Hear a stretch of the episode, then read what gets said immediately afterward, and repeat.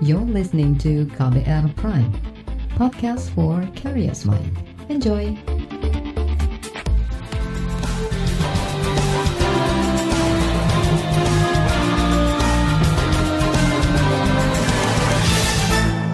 Disiarkan langsung dari studio kantor Berita Radio di Jakarta. Inilah KBR sore untuk hari ini 25 Januari 2022. Halo selamat sore saudara, apa kabar Anda sore hari ini? Kembali saya Reski Mesanto siap untuk menjadi teman Anda selama kurang lebih 30 menit ke depan.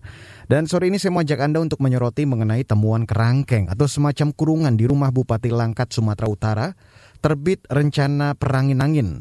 Lembaga Pemerhati Pekerja Migran Migran Care menyebut ada indikasi perbudakan dari temuan kerangkeng itu. Namun polisi menyebut kerangkeng itu digunakan sebagai tempat rehabilitasi narkoba. Lalu apa yang sebetulnya terjadi? Kita bahas selengkapnya sore hari ini di KBR Sore. Saudara, Lembaga Pemerhati Buruh Migran, Migran Care, menerima laporan adanya kerangkeng di rumah pribadi Bupati Langkat, Sumatera Utara, terbit rencana perangin angin. Kerangkeng itu diduga digunakan untuk mengurung puluhan orang. Ketua Pusat Studi Migran Care Anis Hidayah mengatakan, kabar keberadaan kerangkeng itu diterima belum lama. Anis mengatakan masyarakat setempat sebetulnya sudah lama mengetahui, namun tidak berani membuka ke publik. Temuan ini akhirnya jadi ramai tidak lama setelah Bupati Langkat itu terjerat operasi tangkap tangan atau OTT Komisi Pemberantasan Korupsi atau KPK pekan lalu. Kalau di awal yang kita terima itu 40 ya, tapi kan posisi kita itu tidak di sana kan, kita kan menerima laporan gitu. Jadi, tapi sebenarnya berapapun jumlahnya itu kan sesungguhnya um, itu ranahnya polisi untuk kemudian menindaklanjuti ya. Uh, bahwa yang menjadi highlight kita adalah tidak boleh secara sewenang-wenang gitu ya menggunakan uh, kekuasaannya untuk atas nama rehab narkoba atau apa pun gitu ya mempekerjakan secara sewenang-wenang tanpa digaji gitu. Kemudian makannya juga uh, uh, apa uh, kurang cukup uh, menghilangkan um, hak untuk uh, bergerak uh, kemudian meng mengurung ya mengkerangkeng dikunci dari luar uh, uh, dan ada juga indikasi uh, um, penyiksaan gitu ya, kekerasan gitu karena uh, di foto yang kami terima itu ada bukti uh, lebam gitu. Ketua Pusat Studi Migran Care Anis Hidayah menambahkan, laporan masyarakat menyebut keberadaan kerangkeng itu berkaitan dengan industri sawit. Puluhan orang yang dikurung di sana diduga dipekerjakan di perkebunan sawit milik bupati itu. Anis menduga ada indikasi perbudakan di sana. Dari laporan yang ia terima, ada perlakuan semena-mena yang dialami puluhan orang. Mereka diduga disuruh bekerja di lahan sawit tanpa digaji. Menurut Anies, praktik perbudakan di perkebunan sawit bukan hal baru. Berdasarkan indeks perbudakan modern, ada tiga sektor pekerjaan yang rawan praktik perbudakan di beberapa negara, yakni pekerja rumah tangga, anak buah kapal, dan pekerja sawit. Dia mendorong Komnas HAM dan kepolisian mengusut tuntas praktek ini dan mengungkap pihak-pihak lain yang diduga kuat terlibat. Ya, satu eh, memang mendorong mengusut tuntas ya eh, Komnas HAM dengan kewenangannya, kemudian aparat penegak hukum begitu ya.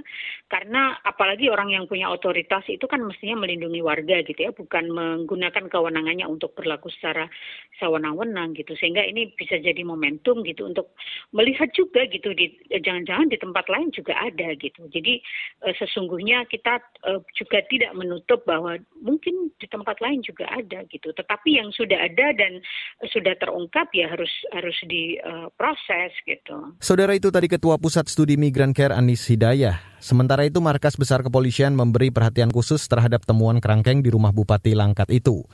Juru bicara Mabes Polri Ahmad Ramadan mengatakan kepolisian daerah Sumatera Utara telah membentuk tim gabungan untuk menyelidiki dan mendalami temuan itu.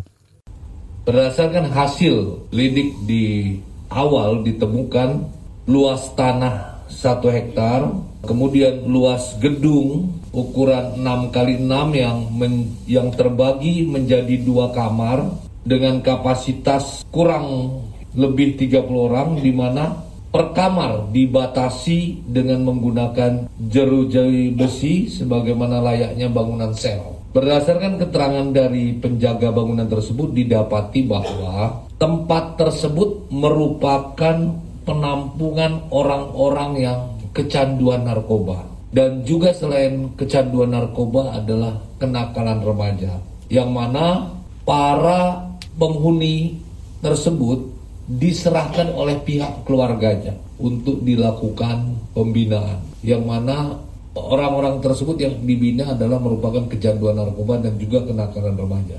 Dan diserahkan dengan membuat surat pernyataan.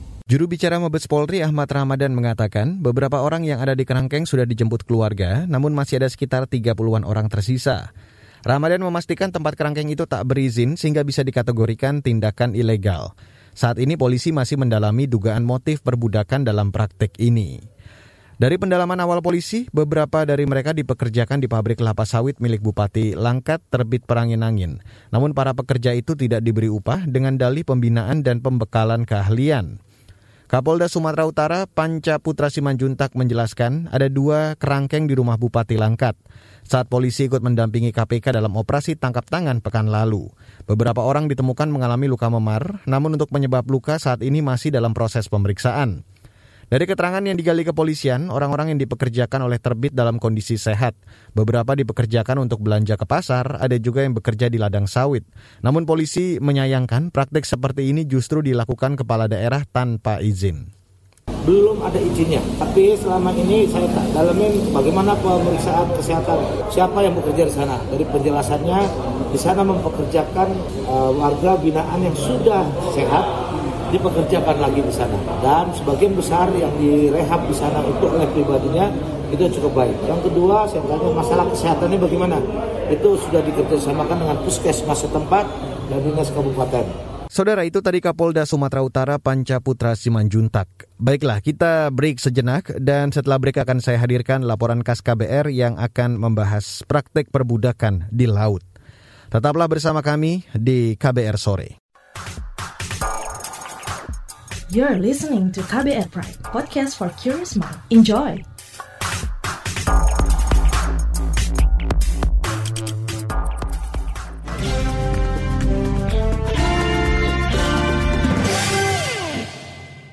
Saudara dugaan praktek perbudakan modern mencuat ke publik setelah ada temuan dua kerangkeng di kediaman Bupati Langkat, Sumatera Utara, terbit rencana perangin angin. Ada sejumlah orang diduga dikurung dan jadi korban perbudakan modern. Jauh sebelum kasus ini muncul, perbudakan modern sudah terjadi dan dialami anak buah kapal atau ABK Indonesia. Lantas, apa solusinya? Selengkapnya, saya ajak Anda untuk mendengarkan laporan khas KBR yang disusun jurnalis Reski Novianto. Terus dikirim di Singapura, dapatnya kapal troll BNB yang berbendera Cina. Kami ada berapa orang, itu 15 orang satu kapal, dikirim di kapal tersebut terus kapalnya diarahkan ke itu laut Arab buat ada yang mancing ada yang pakai jaring. Waktu itu kami di atas kapal sekitar lima bulan lebih lah. Pas sudah nyampe di sana ada kayak transfer ABK jam kerja yang nggak sesuai terus kayak dikasih makan juga ya ya segitunya lah.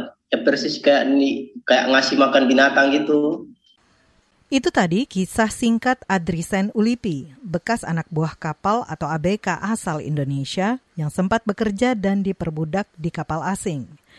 Praktik perbudakan ABK di laut bukan sekadar mitos, tapi fakta. Berdasarkan laporan Seabound 2.0, kolaborasi Greenpeace Indonesia dan Serikat Buruh Migran Indonesia SBMI, ada beragam praktik kekerasan terhadap ABK, anak buah kapal yang ditemukan, mulai dari pemotongan upah, kondisi kerja dan kehidupan yang penuh kekerasan, penipuan, dan sebagainya. Juru kampanye Greenpeace Indonesia, Afdillah Cudil. Uh, perbudakan yang dialami oleh ABK-ABK, khususnya ABK Indonesia dan ABK teman-teman ABK dari Asia Tenggara ini, masalahnya belum selesai dan mungkin malah eskalasinya makin meningkat. Menurut Afdillah, hanya sebagian kecil kasus perbudakan ABK yang terungkap – dia mengambil contoh terungkapnya pelbagai kasus di 2020 dan maraknya pengiriman ABK ke Taiwan dan negara Asia Timur lainnya. Indonesia adalah salah satu negara pengirim nelayan migran terbanyak di dunia. Tercatat ada sekira 21 ribuan ABK Indonesia di 2019. Jumlah itu naik menjadi 22 ribuan pada 2020. Eh, kasus ABK Indonesia khususnya itu di tahun 2020 kemarin mendapatkan perhatian publik yang luar biasa ya. Mulai dari uh, bulan Januari ada satu ABK Indonesia yang dilarung di kapal Cina kemudian di April 2020 sempat viral. Juga ada ABK Indonesia yang dilarung sebanyak tiga orang kemudian itu diberitakan oleh media Korea. Teman-teman media masih ingat soal kasus itu. Dan yang mengejutkan itu di bulan April 2020 itu ada empat orang ABK yang nekat terjun ke laut karena tidak tahan mendapatkan kekerasan di atas kapal ikan asing. Afdilah mendorong dibuatnya rancangan peraturan pemerintah tentang perlindungan awak kapal turunan dari Undang-Undang Perlindungan Pekerja Migran Indonesia. Kata dia, ABK perikanan yang bekerja di luar negeri harus dilindungi karena bagian dari pekerja migran Indonesia. Sementara itu, Serikat Buruh Migran Indonesia (SBMI) mendorong ada kemudahan akses hukum terkait persoalan ABK. Hal itu disampaikan Ketua Umum SBMI Haryanto Suwarno. Bahkan kami bisa katakan eh, ABK itu terumbang-ambing di laut serta terumbang-ambing di darat dalam mendapatkan keadilan hukum dan sosial bagi kawan-kawan yang bermasalah. Di dalam konteks Indonesia, dari sekian jumlah banyak ABK yang ditangani SBMI dan dilakukan eh, apa itu analisis mendalam bersama kawan-kawan Greenpeace tim investigasi, tentunya sebagian besar itu kami duga masuk pada pelanggaran tindak pidana perdagangan orang Haryanto mendesak pemerintah segera membuat tiga peraturan pokok terkait pencegahan, penindakan hukum, dan hak restitusinya. Tujuannya agar masalah yang menimpa para ABK bisa dikurangi dan dicegah. Tiga hal ini menjadi salah satu poin penting yang sejak tahun 2013 yang lalu sudah kami suarakan bersama-sama sebetulnya. Tiga hal ini kalau tidak diselesaikan, tidak akan bisa kemudian mengurangi persoalan yang dialami oleh ABK karena ini saling keterkaitan. Terkait keberadaan ABK Indonesia, Kementerian Luar Negeri belum lama ini meminta WNI yang bekerja di kapal-kapal asing untuk melaporkan diri lewat portal Peduli WNI. Direktur Perlindungan Warga Negara Indonesia dan Badan Hukum Indonesia Kemenlu, Juda Nugraha, menyebut pelaporan itu penting agar pemerintah bisa mengetahui posisi WNI yang menjadi ABK. Kemenlu mengakui pencegahan penawanan ABK di kapal ikan lebih sulit lantaran kerap dijalankan tak sesuai prosedur. Karena itu, ia mengimbau WNI yang bekerja di ABK mematuhi prosedur dan menghindari wilayah-wilayah rawan. Laporan ini disusun Reski Novianto. Saya Aika Renata. Dan saudara bagaimana tanggapan aktivis lokal terkait temuan kerangkeng di rumah Bupati Langkat? Jurnalis KBR Astri Yuwanasari akan berbincang bersama Koordinator Kontras Sumatera Utara Muhammad Amin Multazam Lubis. Nantikan sesaat lagi di KBR sore. You're listening to KBR Pride, podcast for curious mind. Enjoy!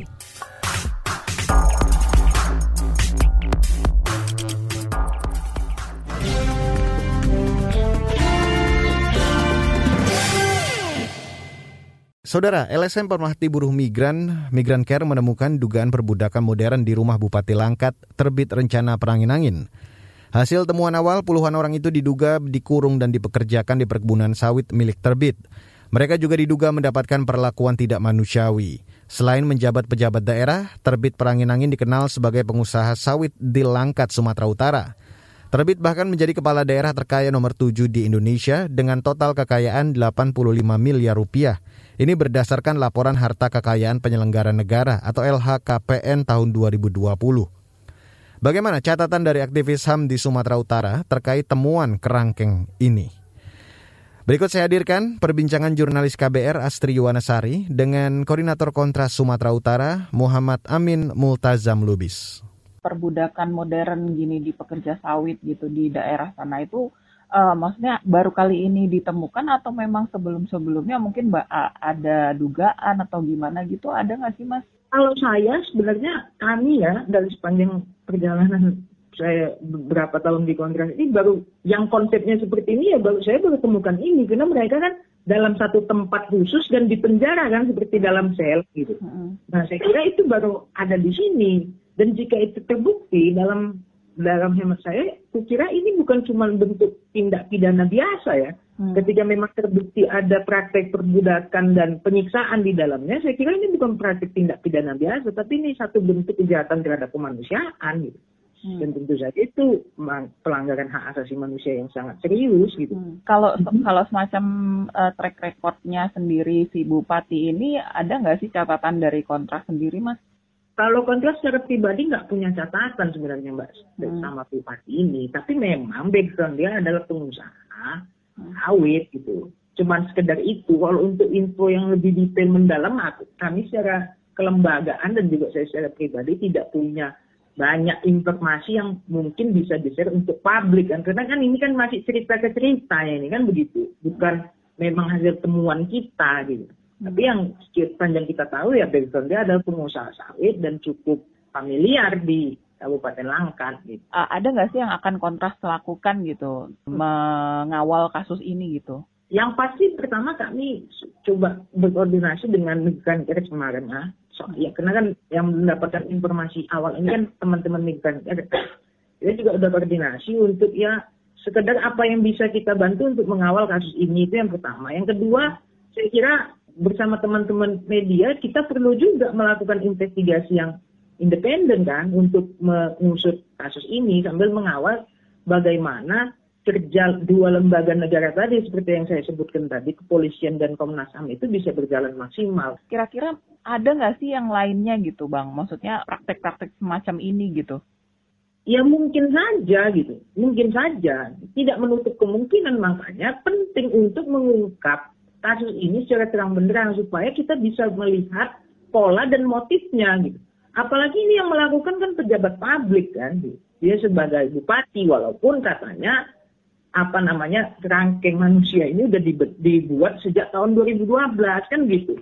Artinya kerjanya kan sebenarnya bukan ansi pribadi tapi ada sistem yang bekerja di situ kan kan nggak mungkin si bupati ini sendirian melakukan kerja-kerja itu untuk mengawasi siapa yang ada di dalam. Artinya kan ada sistem dan ada keterlibatan yang lebih luas untuk menjalankan proses ini selama belasan tahun itu kan gitu mbak. Jadi tidak menutup kemungkinan pola yang sama mungkin saja terjadi di tempat lain khususnya di daerah-daerah perkebunan yang potensial kan gitu. Hmm. Nah satu lagi mbak yang perlu diingatkan juga bukan cuma soal proses hukum ya. Kalau memang ada dugaan tindak pidana, tapi yang harus diperhatikan juga dari perspektif hak asasi manusianya adalah bagaimana reparasi atau rehabilitasi terhadap para korban yang selama ini berada dalam tahanan itu gitu. Hmm. Itu juga harus diperhatikan saya kira. Itu yang juga harus perlu kita dorong. Gitu. Kalau memang mereka menjadi korban dalam tanda kutip ya kita juga harus negara juga harus bertanggung jawab untuk memulihkan apa namanya hak-hak mereka gitu itu juga harus jadi perhatian utama saya kira. Saudara itu tadi perbincangan jurnalis KBR Astri Wanasari dengan koordinator Kontras Sumatera Utara Muhammad Amin Multazam Lubis. Sementara itu Komnas HAM masih menyelidiki temuan kerangkeng di rumah Bupati Langkat. Upaya apa yang akan mereka tempuh? Selengkapnya, di bagian akhir dari KBR sore, saya akan ajak Anda untuk mendengarkan perbincangan jurnalis KBR Astri Septiani bersama Ketua Komnas HAM Ahmad Taufan Damanik. Nantikan sesaat lagi. You're listening to KBR Pride, podcast for curious mind. Enjoy!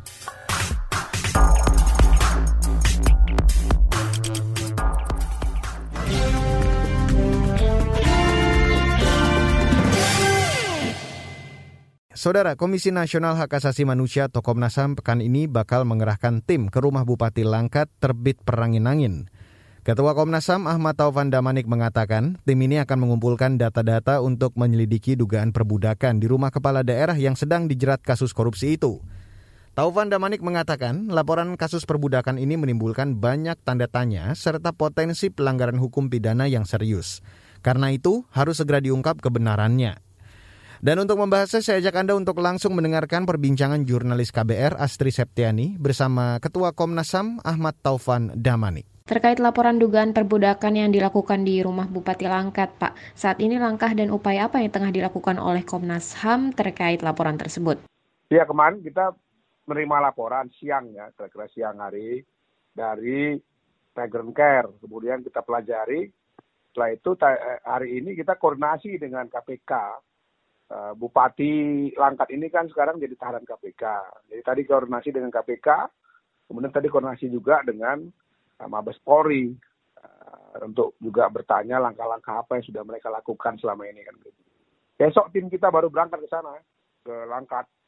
Ya tadi bahan-bahan dokumen-dokumen sudah kita mulai kumpulkan. Jadi kalau disebut sebagai langkah penyidikan sudah kita mulai, tetapi penyidikan lapangannya baru mulai besok berangkat ke uh, Langkat sana ya. Uh, tadi kita koordinasi dulu, koordinasi juga kan itu ada berapa lokasi kan sudah di bawah penguasaannya polisi, jadi kita perlu koordinasi supaya kita dikasih akses untuk masuk, meriksa dan lain-lain itu gitu. Juga dengan KPK karena ini kan juga terkait dengan status Bupati Langkat ini sekarang kan uh, tahanan KPK. Jadi kami tentu juga harus koordinasi dengan mereka, peran mereka dalam soal korupsi, peran Komnas HAM untuk pendidikan dugaan pelanggaran HAM. Gitu. Pak, ini kan laporannya soal dugaan perbudakan modern begitu. Apakah kemudian jika terbukti nantinya hal ini bisa dikatakan sebagai pelanggaran HAM begitu? Oh iya, dan serius itu ya.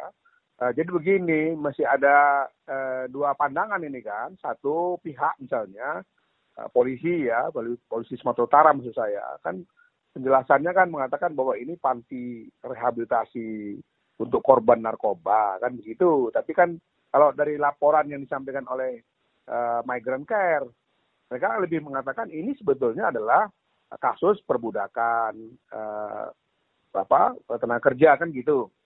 Nah itu kan dua hal yang berbeda itu. Gitu.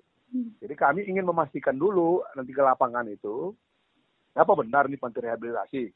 Ada panti rehabilitasi itu kan pertama ada izinnya, yang kedua juga ada standarnya gitu. Sepintas kami lihat dari video ya, tapi ini masih uh, pengamatan sepintas belum langsung ke lokasi kan. Uh, kelihatannya tidak standar panti rehabilitasi gitu. Tapi kenapa kok kemudian uh, polisi sudah berulang kali menyebutkan bahwa ini adalah panti rehabilitasi. Padahal diakui juga bahwa izinnya tidak ditemukan kan gitu. Nah, kalau dia memang bukan panti rehabilitasi, tapi lebih pada perbudakan ya, artinya penggunaan orang-orang untuk kerja secara paksa dengan eksploitasi dan macam-macam itu, uh, maka kasusnya beda lagi gitu. Tapi yang mana pun itu, itu pelanggaran, pelanggaran hukum, itu tindak pidana. Oke, berarti adanya dua versi terkait kasus ini juga menyiratkan adanya banyak tanda tanya begitu ya Pak yang mesti diungkap oleh Komnas HAM terkait kasus ini. Banyak banyak hal yang harus dijawab di sini. Misalnya juga ada informasi bahwa ini sudah berjalan 10 tahun. Nah kalau sudah berjalan 10 tahun, lantas aparat selama ini bagaimana fungsinya? Termasuk uh, misalnya dari unit kesehatan. Apa kan kalau orang bikin panti misalnya kan sebetulnya kan harus ada uh, pengawasan. Nah, yang bertanggung jawab siapa kan gitu ya dari kepolisian, BNNP misalnya atau BNNK tapi juga dari uh, dinas kesehatan kan. Kenapa nggak ada pengawasan selama ini? Kok bisa beroperasi sampai sepuluhan tahun tanpa izin misalnya? Itu kan juga persoalan itu. Itu menurut saya satu persoalan yang juga perlu diungkap. Ada apa di balik ini semua gitu. Ya, jadi dia menurut saya ini sebetulnya juga uh, seperti membuka kotak Pandora di mana di dalamnya ternyata ada banyak persoalan ya. Kalau mau disebut sebagai panti rehabilitasi narkoba, setahu kami panti rehabilitasi itu ada standarnya. Kemudian juga harus berizin. Kalau dia berizin maka kemudian ada uh, institusi uh, pemerintah yang bertanggung jawab untuk melakukan pengawasan, pembinaan, supervisi kan gitu. Ini kan tidak. Tidak pernah ada apa-apa itu. Tapi pertanyaannya, apa masuk akal itu? Ya, uh, itu menyangkut puluhan orang kemudian instansi-instansi yang ada di sana nggak tahu sama sekali kan rasanya sulit untuk diterima juga begitu ya. Nah kalau dia perbudakan modern maka ini kasusnya juga serius ya. Uh, sama juga ya di, sudah berlangsung sepuluhan tahun misalnya kenapa tidak ada uh, pengecekan pengawasan supervisi atau apa pun dari institusi-institusi uh, pemerintah yang ada di sana begitu. Hmm. Kalau dibilang karena dia bupati kan dia baru bupati berapa tahun bukan bukan artinya sebelum ini dia belum bupati kan gitu. Hmm. Itu kan soal-soal yang menurut saya atau pertanyaan-pertanyaan yang menurut saya juga harus dijawab oleh tim kami nanti dalam pemantauan dan penyelidikannya ke Bangkat nanti. Saudara itu tadi perbincangan jurnalis KBR Astri Septiani bersama Ketua Komnas HAM Ahmad Taufan Damanik yang sekaligus menutup KBR sore untuk hari ini edisi 25 Januari 2020. Terima kasih untuk Anda yang sudah bergabung sore hari ini. Selamat kembali menjalankan aktivitas Anda dan ingat selalu patuhi protokol kesehatan. Saya Reski Mesanto undur diri. Salam.